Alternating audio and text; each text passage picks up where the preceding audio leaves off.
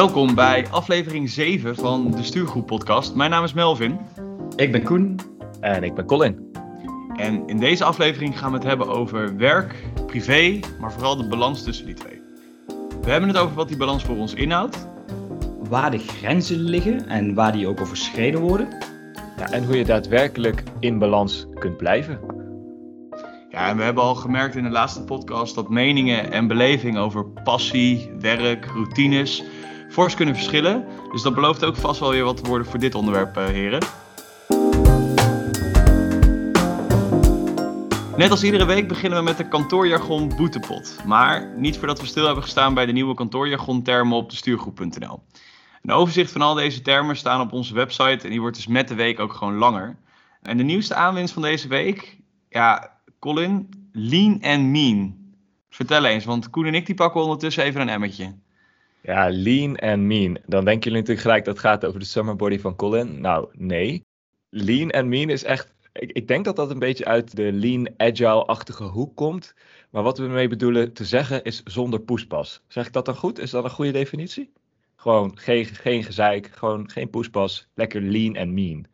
Jeetje, het zou kunnen. Ik denk dat als je, je hebt net de woorden lean en agile achter elkaar gegooid. Ik denk dat daar hele groepen wel meningen over hebben. Maar ja, volgens mij heb je in de kern wel gelijk in deze. Ja. Ik, uh, mooie definitie, zeker. zeker. Ja, het is mooi ook, lean en mean, gewoon vanuit de logistiek. Prachtig dat we dat voor niet-poespas gebruiken. Ja, precies. Heerlijk.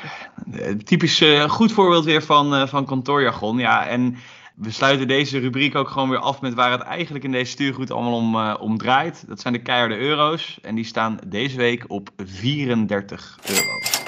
Heren, voor vandaag het onderwerp. De werk-privé-balans. Dat kan ook een onderwerp zijn waar jullie thuis met jullie vriendinnen misschien wel een, een boetepot voor hebben voor als je daar uh, onvoldoende aan houdt.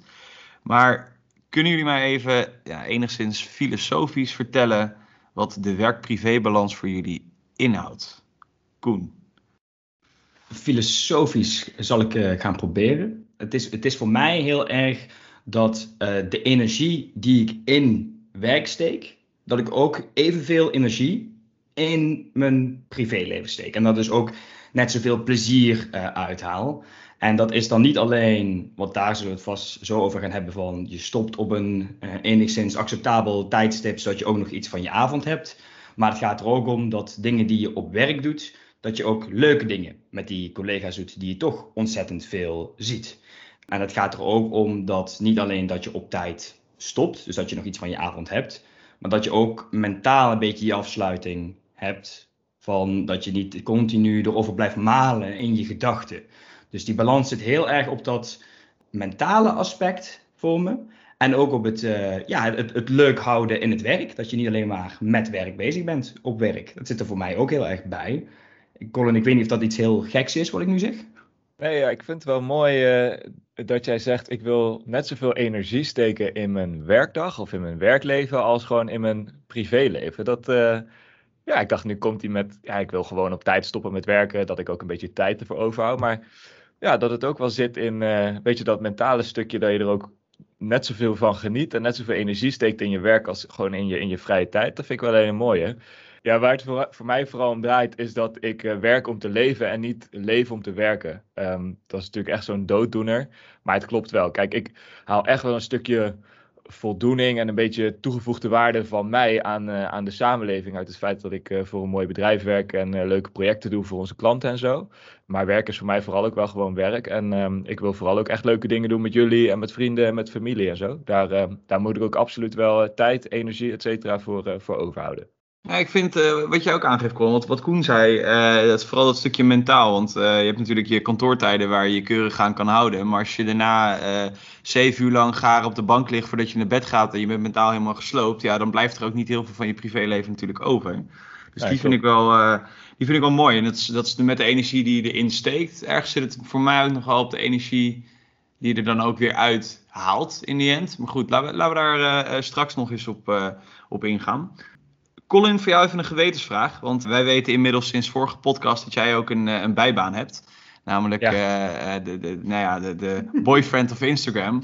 Hoe, uh, hoe, hoe, hoe, hoe, valt die voor jou in het werk-privé balans? Ja, kijk, het is wel zeg maar zo professioneel, durf ik wel te zeggen, geworden na zes jaar. Dat de zondag, die staat gewoon helemaal in het teken van Instagram. Dus dat is, het voelt wel een beetje als werk, terwijl het gewoon, we kiezen daar natuurlijk helemaal voor. Dus uh, ja, wij moeten er wel echt voor opletten dat dat, uh, omdat het ook online is, dat gaat non-stop door. Dat we er ook gewoon echt wel bewust momenten voor kiezen dat we daar helemaal niet mee bezig zijn. Want anders, uh, ja, dan, dan, dan blijft er geen moment om echt even tot rust te komen en gewoon leuke dingen te doen en ook weten dat het allemaal even, dat het even allemaal niet hoeft. Die blijven dan ja, niet veel over. Zeker omdat wij allebei ook gewoon fulltime werken. Ja, dit is wel een goede vraag hoor. Het, je ziet natuurlijk alleen maar de foto's en de filmpjes en dat soort dingen. Maar nou ja, daar gaat gewoon zeker veel tijd in, in zitten. Ja, en die foto's en die filmpjes die kunnen we ook iedereen aanraden. Laten we dat meteen ook eventjes. Uh, absoluut. absoluut. Geen sponsoring overigens. ja, ik vind het wel leuk dat Colin ook. Uh, dat je ook zo zegt van. Dat je bewust bezig bent met het ook het uitzetten. Dat zelfs als je dus inderdaad. Oké, okay, kantoortijden zijn voorbij. Dat dat niet meteen is. Nu heb ik goede werk-privébalans. Maar dat je ook bewust bezig bent met jezelf af en toe uitzetten, af en toe ja. niks doen. Uh, wat Melvin, jij noemde net ook heel leuk, de energie eruit krijgen. Maar misschien is het ook weer weet ik niet, even, even opladen. Dat dat ja. ook een onderdeel van is. Zeker, ja. Colin, je had het ook net ook over je vriendin. Kijk, werk-privé-balans. Wij hebben alle drie de situatie dat wij samenwonen met, uh, met onze vriendinnen. Kijk, wij kunnen ons individueel aan een werk-privé-balans houden. Maar als je partner dat op een heel andere manier ziet, ja, dan krijg je ook weer natuurlijk een, een, een aparte situatie. Hoe, hoe wijkt jullie werk-privé-balans of, of jullie beeld daarbij uh, af van die van je partner, Colin? Ja, Ida en ik werken allebei voor een corporate. Dus in die zin uh, gewoon normale uh, uh, 9 tot 5 kantoortijden. Zeg maar dat is een beetje richtlijn. Wij sporten ook altijd samen. Dus wat ik vorige keer vertelde over die routines. Dat is ook wel een beetje onze gezamenlijke routine. En zij is ook wel heel erg van ja, 8,5 uur slapen per dag en zo. Dus dat maakt dat ik daar ook wel redelijk gewoon in meega. Dus onze ritmes werken helemaal niet zo erg van elkaar af. We, we doen heel veel samen. Ook dat hele Instagram-verhaal. Dat is niet dat zij dat in haar eentje doet en dat ik dan van alles en nog wat ga doen. Dus onze ritmes die liggen vrij dicht bij elkaar. En ook onze kijk op werk en privé daarmee uh, ja, ook wel. Maar Koen, ja. voor jou zal dat best anders zijn. Want jouw vriendin werkt uh, wel een hele andere sector. Ja, Christel zit in de zorg. Dus dat is wel een hele andere koek. Dus het is ook als zij ergens uh, echt in zit of ergens mee bezig is, dan vergeet ze ook echt de tijd. Dus het is dat, ja, dat, dat, heb ik, dat heb ik niet zo snel, als ik eerlijk ben. Ik ben altijd wel iemand die oogje op de klok houdt met hoe lang ben ik ergens mee bezig. Maar ze kan zich daar helemaal in, in verliezen. En dan opeens om half acht of acht uur s'avonds thuiskomen. En dat we dan nog uh, samen gaan koken. Dus dat houden we wel erin. Dus dat we wel zeg maar, de privédeel van werk-privé-balans. Dat we daar ook veel dingen samen in doen. Maar qua op elkaar ja, afgestemd zijn, qua balans. Ja, sommige dagen echt helemaal niet. En sommige dagen dan ook juist weer wel. Er zit veel minder, veel minder lijn in. En ik denk ook wel dat het een beetje inherent is, Colin, wat je ook al aangaf, aan de sector. Ja, uh, ja dat denk ik ook zeker. Melvin, bij jou dan? Mijn vriendin en ik werken wel allebei in hetzelfde type bedrijf. In de zin van wel gewoon een kantoorbaan. Uh, qua, dus dat je kantoortijden wat dat betreft hetzelfde zijn. Ik denk alleen wel, dat is voor jullie geen verrassing, dat het stukje uh, loslaten, dus vooral het mentale stuk, denk ik, waar Koen het in het begin over had, dat gaat bij mij wel echt een stukje slechter dan bij mijn vriendin. En ik denk dat je bij ons wel echt het verschil merkt tussen, ja, eigenlijk tussen, uh, wat is het, vijf en half acht of half zes en half acht. Waarbij ik echt wel even een moment nodig heb om even tot nou ja, bezinning te komen. Even tot rust te komen mentaal. Waarbij mijn vriendin gewoon makkelijker uh, die laptop kan dichtklappen. En ook gewoon kan omschakelen om wat leuks te gaan doen. Of weet je, verder is die werk-privébalans denk ik uh, best oké. Okay. Alleen het is ja, de mate van loslaten. En misschien ook wel hoe je naar je werk kijkt hoor. Je had het net natuurlijk over uh, een stukje passie, Colin. Ik steek wel ontzettend veel energie in mijn werk. En misschien is dat ook wel even een spiegeltje met de opmerking die Koen in het begin aanhaalde dat mijn mate van energie die ik erin steek overdag misschien net even iets te veel is. Waardoor je aan het einde van de dag ook meer nodig hebt om uh, ja, weer in balans te komen eigenlijk. Dat daar het voornaamste verschil uh, bij ons thuis zit. Maar heren, we hebben net een stukje kantoortijd gehad. Hè? Dus echt daadwerkelijk de klok. Koen, jij benoemde al, al energie. Zijn er voor jullie nog andere facetten die uh, meespelen in een werk-privé-balans? Want zeker in het afgelopen jaar was dat natuurlijk ja, een grens die moeilijk uh, te bewaken was. Ook gezien het thuiswerken. Ik bedoel, je kantoor zit twee meter van je bank in sommige gevallen. Zijn er voor jullie nog andere onderwerpen die daarin meespelen? Ja, jullie maakten me net hier van tevoren natuurlijk wel een beetje belachelijk erom. Maar dat is uh, de werk-werk-balans, uh, trademark.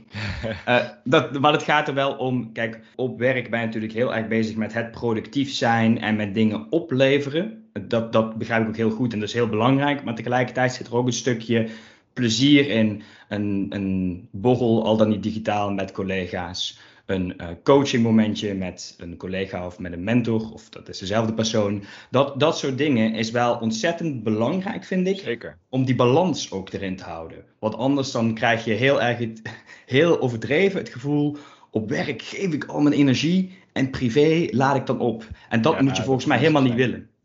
Hey jij zei, jij had toch twee weken geleden of zo, had je toch ook voor het eerst een hele lange tijd dat je weer wat collega's had gezien eh, fysiek op een, op een borrel. En toen zei je ook van, ja, dit was echt weer zo'n moment dat je elkaar lang niet meer gezien hebt. Ja, dat, de energie die spatte er vanaf, super gezellig. Maar dat is, dat is wat voor mij ook werken bij een groot bedrijf of gewoon überhaupt werk nog mooier maakt. Ik bedoel, het is allemaal leuk hè, dat je toffe projecten doet en dat je daar verantwoordelijkheden hebt.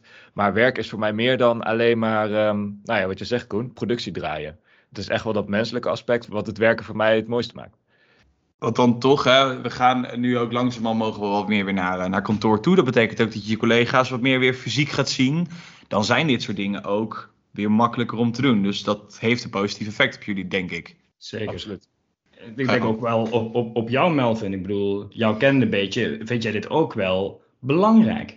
Zeker. Het persoonlijke contact en vooral ook. Weet je, het gaat om die gesprekken die je even tussendoor hebt. De rest is allemaal best wel formeel natuurlijk. In een, eh, we hebben het wel eens gehad over dat je dan koffietjes plant met mensen.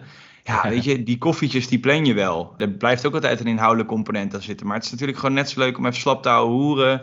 eh, Met dat bakje koffie. Hè. Dat is ook de reden dat de stuurgroep is ontstaan. Maar eigenlijk gewoon even slap houden hoeren. En eh, ja, weet je, dat heb ik ook op deze manier met jullie eh, één keer in de week. Maar dat zijn wel de momenten waar ik eh, ja, best wel goed op ga. En eh, die hopelijk ook weer eh, snel gaan komen. Wat ik daarbij ook altijd wel denk, is dat doordat je het met elkaar ook naar de zin hebt, dat je ook die leuke momenten met elkaar hebt, kun je elkaar op de inhoud makkelijker vinden. Dat heb ik tegen jou volgens mij ook wel eens gezegd, Koen. Omdat ik gewoon een goede persoonlijke band opbouw met mijn collega's, zeg maar, buiten productietijd om, kunnen we elkaar in de productietijd veel beter vinden en werken we efficiënter en leveren we misschien uiteindelijk wel beter of meer producten op. Ja, amen. Amen. Ja, en ik denk dat je elkaar er ook dan in die productietijd, als het even wat taaier is, elkaar er ook makkelijker doorheen kan Ja, slepen. zeker, Weet je, het zeker. voelt allemaal wat meer verbonden. Het voelt wat meer als samen en als een team. En dat is natuurlijk wel het risico van nu anderhalf jaar thuiswerken, dat dat gevoel een beetje is weggeëpt, laat ik maar zeggen. Hey, en misschien speelt dit alleen bij mij thuis, maar eh, we hebben een eh, potje voor kantoorjargon. Dat wordt eh, in de werk-privébalans eh, bij jullie thuis dus totaal niet gebruikt? Nee, en als ik naar, naar ons kijk, Ida die gebruikt volgens mij helemaal geen kantoorjargon, überhaupt niet, ook niet met werk niet. en ehm, ik zelf, als ik mezelf ooit zou betrappen op, op aftikken thuis gebruiken, nou, volgens mij slaat mijn kaak dan gewoon op slot, dat, dat gebeurt gewoon niet. ik, vind, ik vind de vraag sowieso ook bijzonder. Ja, misschien is het ook omdat Christel natuurlijk dan in een ander vakgebied zit. Maar als die af en toe ook gesprekken hoort die, die ik dan heb, als ik dan eh, op, op speaker in, in, in een meeting zit, dat ze ook mij aankijkt en zegt: Verzinnen jullie nou woorden?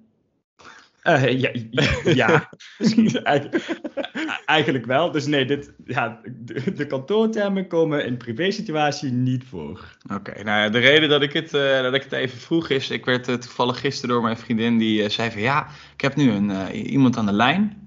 Ja, die gebruikt dezelfde woorden als jij. ja, dan, dan weet je hoe laat het is. Kijk, dan moet ik wel even een klein stukje context. Wij werken echt in dezelfde ruimte hier, dus zij hoort ook echt alle kantoorjargon wat jij ook aangeeft, Koen, gedurende de dag. Weet je, als ik aan het werk ben, die hoort zij. Dus ah ja, oké. een beetje biased, maar ik zal er zeker niet voor weglopen dat ik het ook na kantoortijd wel eens gebruik. Maar ja, dat heeft dan. Ik, ik schaar dat onder het loslaten. Laten we het daarop houden en vooral eh, eh, hier verder niet meer over hebben. Check. Oké. Alright, maar dan toch even eh, naar die kantoortijden. Hè. We hadden het er met elkaar over. Ik heb ook wel een beetje een idee hoe jullie daar, daarin zitten. Colin, je hebt wel eens vaker aangegeven, hè, joh, die laptop gaat bij mij gewoon dicht om half zes. Ja. Koen heeft vorige keer ook aangegeven tussen, wat was het, zes of half zes en zeven. Dat zijn goede intenties. In, in de ervaring blijkt natuurlijk dat je in principe altijd 24-7 kan werken. Eh, maar hoe gaan die goede intenties eh, jullie af in de praktijk? Colin, jij hebt daar hierin denk ik het meest gestrekte been. Dus eh, Ja, ik blijf erbij dat dat voor mij ook wel een stukje routine is. In die zin dat ik dan dus in de avonden vaak ga sporten. Dus ik moet wel. En dan begin ik liever s ochtends wat, wat eerder dan dat ik aan het einde van de dag maar door blijf werken. Dus ik ben wel vrij strikt, ook vandaag. Ik, ben, ik neem deze podcast nu op vanaf, vanaf kantoor. Om zeven uur loop ik hier binnen, omdat het al redelijk druk weer is op de weg. Dan vertrek ik om zes uur van het huis. Maar om vier uur sta ik ook gewoon out of office in mijn agenda. Ik had gewoon een afspraak om vijf uur nog staan, of tot vijf uur. Ja, die heb ik gewoon verzet naar eerder op de dag, omdat ik weet dat ik prima hier dus de lampen aan kan doen s ochtends. En dan toch wel als een van de laatste het kantoor uit kan lopen. Maar ik, ja, het is voor mij wel echt een stukje discipline. Wat ik nodig heb om uh, ja, als, een, als, als een stok achter de deur. Knap hoor. Ik probeer het zelf ook wel. Het lukt me een stuk minder goed, Colin, dan wat jij aangeeft. Daarom heb ik ook die range van wanneer mijn uh, werkdag eindigt. Mijn begin is wel heel strak, juist vanwege wat Colin ook zegt, het sporten. Ik doe dat aan het begin van de dag. Dus heel veel succes om mij om 8 uur te bellen. Maar dan sta ik nog uh, ergens aan de, aan de gewichten te sjouwen. dus dan neem ik gewoon niet op. Oh, ik vind dat wel grappig, Koen. Want de vorige keer sloeg jij dus aan op dat Melvin zei: Ja, ik ben echt koning snoezen. Maar jij snoest eigenlijk het einde van je werkdag. Ja, klein spiegeltje, daar ben ik natuurlijk voor. Dat is, dat, dat, is wel waar. En wat ik net zei, van sommige dagen dat, dat Christel later, later thuis komt, hè, van, omdat ze dan uh, op werk met iets zit. Als zij er eerder is, dan is er ook meer reden om wat sneller samen te gaan koken. Ja, snap ik. En dan kun je ook wel afsluiten, maar anders is het, nou ja, ik, ik hoef toch nog niet te beginnen met koken. En, nou, weet je, tuurlijk, ik, ik, heb nog wel even tijd, ik maak wel even wat af, of, ik, of ik, ik bel nog even met die of die. Dan gaat dat ook makkelijker. Ja, begrijpelijk. Ja, Melvin? Uh, ja, weet je, ik. Uh, uh, ja, ja, hoe ga je hier onderuit? Nee, ja, kijk, weet je, het is wel dat je. Ik heb hier en daar meer moeite mee dan de andere keer. Dat, is, komt jullie denk ik niet, niet onbekend voor van de laatste weken dat we elkaar hebben gesproken. Het heeft zijn ups en zijn downs, denk ik. Colin, jij hebt, een, je hebt echt een goed stukje discipline erin zitten, waardoor bij jou een piekweek, in mijn beleving, ook minder als een daadwerkelijke piekweek voelt. Ik denk dat jij dan meer controle hebt in zo'n week. Laat ik het even zo verwoorden. Ja, ik weet wel wanneer het even nodig is om na het avondeten die laptop nog even aan te zetten. En dat is dan ook een hele bewuste, gedisciplineerde keuze. Laat ik het zo zeggen. Dat besluit ik dan al de week van tevoren. Oké, die dinsdag en die woensdagavond. Dan gaat er even gewerkt worden tot, uh, tot avonds. Want donderdag is er een deadline. Dus ook dat is dan niet zeg maar meegaan in de waan van de dag. Uh, en daardoor die laptop pas om 7 uur dichtklappen. Maar gewoon ervoor kiezen. Oké, Vijf uur gaat hij uit, avondeten en hop, dan gaat hij s'avonds nog even aan. Ja, ik denk dat met de waan van de dag, dat je als je die term gebruikt, die, uh, voor mij is het allemaal een beetje grote lijn. Ik zie echt wel dat er een drukke week aankomt, maar hoe ik die dan verder even weer indeel in de week erop, ja, dat doe ik niet zo strak of gedisciplineerd. Waardoor het inderdaad wel kan leiden dat je gewoon toch uiteindelijk een week lang uh, ook je avontuurtje nog even wat extra doet. Aldoende leert men. Ik denk uh, mensen die mij van een paar jaar geleden kennen, die uh, zullen zeggen dat ik stapjes da daarin heb gezet. Maar um, ah. ik, ik, kom nog steeds een keer op college bij jou, Colin. Ja, dat mag altijd. Hé, hey, maar Colin, jij gaf net aan vier uur. dan ben ik even niet bereikbaar. Koen heeft dat ja. wel eens om acht uur s ochtends in verband met sporten iedereen heeft zijn eigen patronen. Iedereen heeft zijn eigen ritmes. En ook een kijk op werk- en privébalans. Je hebt collega's die dat anders zien dan jij. Ik kan ja. me voorstellen dat er collega's in zitten, Colin, bij jou, die zeggen van... joh, Colin, waarom, uh, het is vier uur, waarom kan ik je niet meer ja. bereiken? Ja, daar ben ik dus heel stellig in, hè. Dan zeg ik, ja, toen jij vanmorgen met de kindjes aan de ontbijttafel zat... toen zat ik hier de lampen aan te doen. Oh ja, oh ja, oh ja, oh ja. Ja, dat is ook zo, dat is ook zo. Maar is dat ook daadwerkelijk een onderwerp wat je op die manier zo met je collega's bespreekt? Want uh, ja, ja, weet je, het is wel een topic... Letterlijk dit. Letterlijk dit. Want dan vragen ze mij natuurlijk van, uh, zo, uh, wij moeten nog lunchen en jij gaat dan naar huis. Weet je, een beetje zo'n zo'n opmerking krijg je dan. Oh, ja. Ik zeg, ja, maar kom, toen vanmorgen bij mij de wekker om half zes ging, toen draaide jij nog even om. Ja, ja, dat klopt dan wel, dat klopt dan wel. Ik ben dan ook wel zo'n, zo uitgesproken dat ik dat gewoon durf te doen.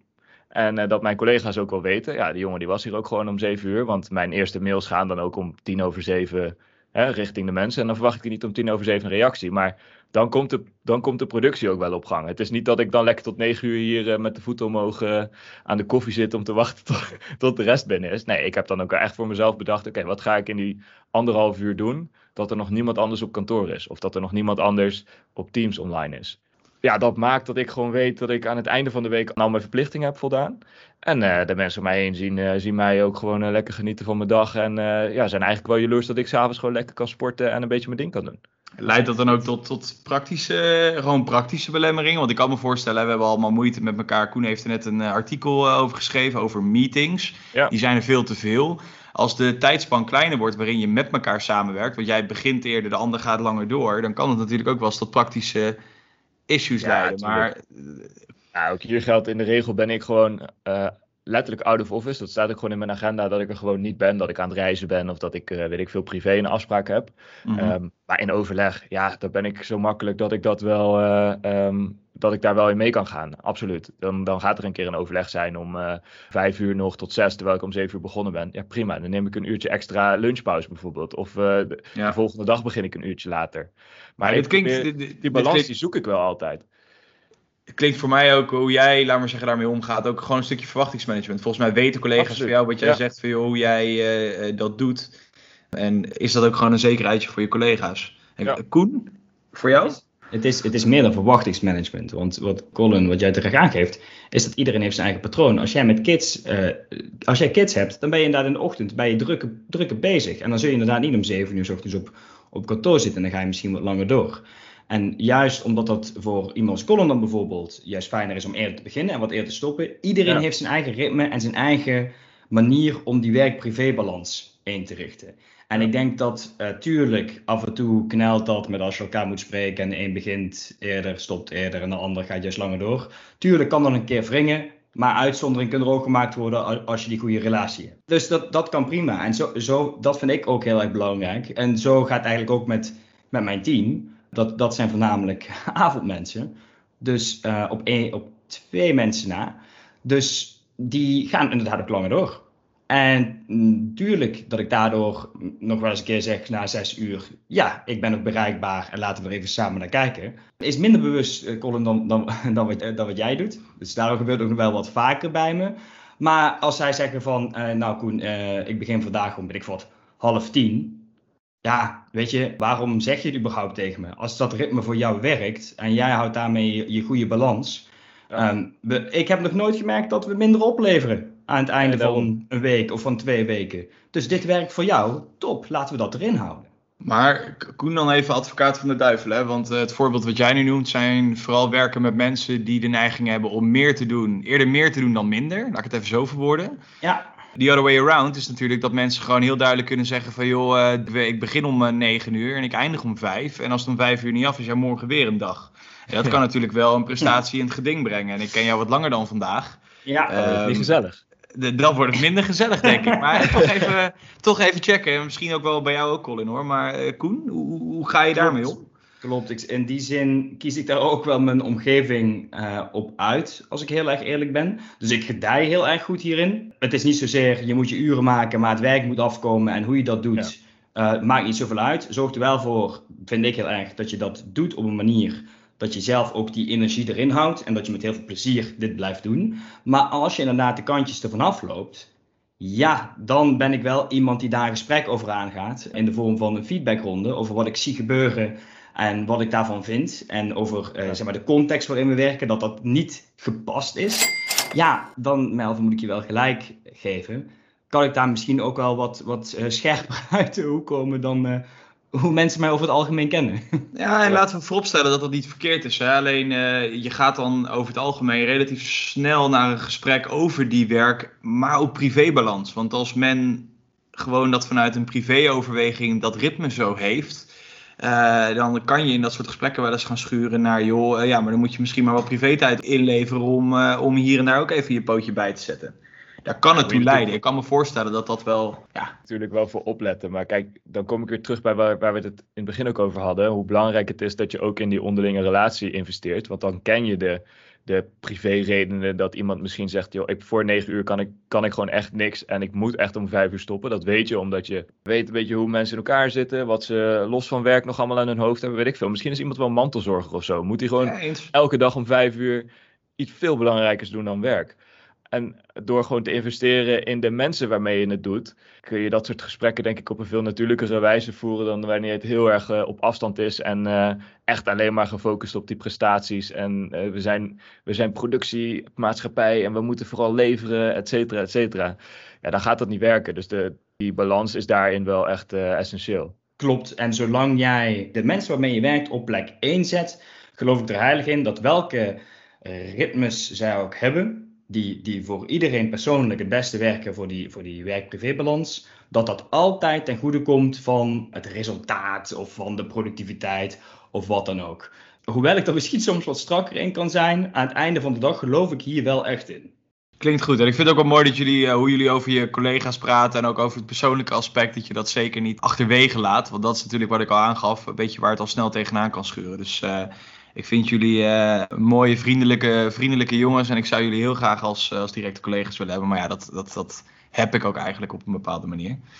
En uh, jongens, dit, dit topic houdt ons niet alleen bezig. Want wat ik al aangaf, coronatijd heeft bij meer mensen denk ik de grenzen doen vervagen. Jullie zijn wijze mannen. Wat zouden jullie als raadsmannen meegeven als advies aan mensen die hiermee struggelen? Los even van welke ambitie je hebt voor werk-privé-balans. Hoe haal je je streven?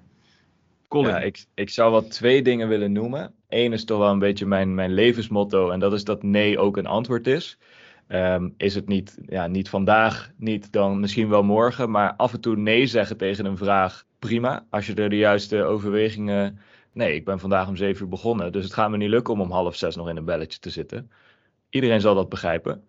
Tweede is voor mij echt een stukje discipline hierin maakt dat ik mezelf ook gewoon een beetje in bescherming neem tegen de beetje 24-7 economie waar we wel in zitten. Sporten heeft mij daar enorm bij geholpen. Niet alleen als stok achter de deur van einde van de werkdag, maar ook een stukje discipline in uh, überhaupt met je gezondheid bezig zijn en dat soort dingen. Ja, dat heb ik gewoon door weten te vertalen naar ook mijn professionele situatie, gewoon mijn werksituatie. Dat wil ik iedereen op het hart drukken om daar gewoon echt in te investeren. Ja, hele mooie wijze woorden. Eigenlijk het enige wat ik daaraan kan toevoegen is dat je het ook zo openlijk bespreekt. Zoals Colin wat jij doet. Ik heb ook collega's die zeggen ik, begin eerder, uh, ik stop wat eerder, ik begin later, ik ga wat langer door. En wat ik ook eigenlijk bij, bij jullie doe hier in de stuurgroep. Deze week heb ik vakantie en dan zeg ik jongens, tuurlijk leuk die, die podcast uh, opnemen, maar ik doe even wat minder editwerk.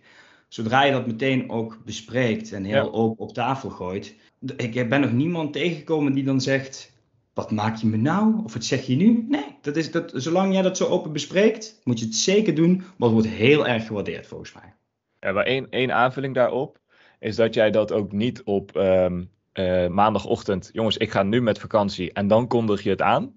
Maar het is wel een stukje verwachtingenmanagement met enige, enige voorbereidingstijd, laat ik het zo zeggen. Wij wisten ja, ja, ja. Eh, donderdag, vrijdag vorige week wisten wij uh, zeg maar, hoe, we de, hoe we deze week uh, met z'n drie eh, door zouden komen. En dat is wel het allerbelangrijkste. Als je het dan hebt over verwachtingenmanagement, Melvin, jij kaartte dat net ook al even aan, dat dat niet verwachtingenmanagement is op vrijdag om vijf uur vijf, ik ga die deadline van vijf uur niet halen. Ja, kom op, dan heb je niks aan nee is ook een antwoord en allemaal dat soort, allemaal dat soort ongein, dan ben je gewoon, eh, dan ben je gewoon het lulletje.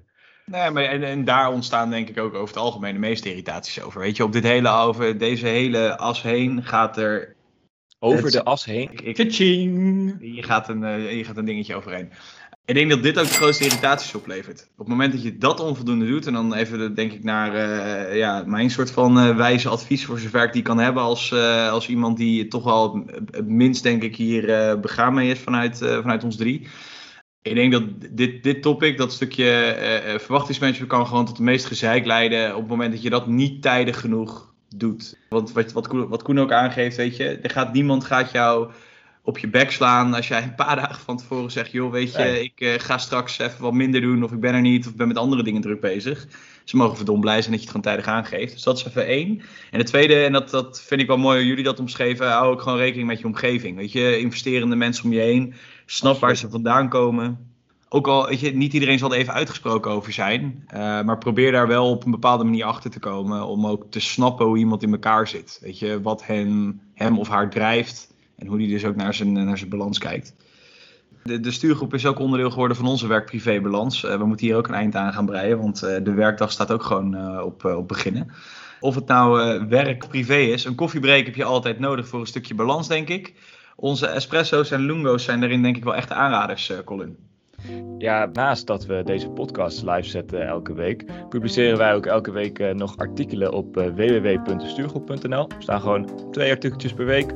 Soms een, uh, een wat korter artikel, een espressootje. en soms een wat langere, een lungo. Maar vond jij dit nou een toffe podcast-aflevering? Vergeet de Stuurgroep podcast dan niet te volgen op Spotify. Voor nu zou ik zeggen, volg ons ook even op Instagram en LinkedIn. Dat is heel eenvoudig. de Stuurgroep op Instagram en de Stuurgroep op LinkedIn. Het kan bijna niet eenvoudiger. Zodat je precies weet wanneer de volgende podcastaflevering online staat, waar die over gaat en ook waar onze artikelen over gaan. Zoals uh, Melvin al zei, heb je nou vandaag nog een, uh, een koffiepauze? Neem dan eens een kijkje op die site en lees eens een van die artikelen. Maar voor nu zou ik zeggen, bedankt voor het luisteren en tot volgende week.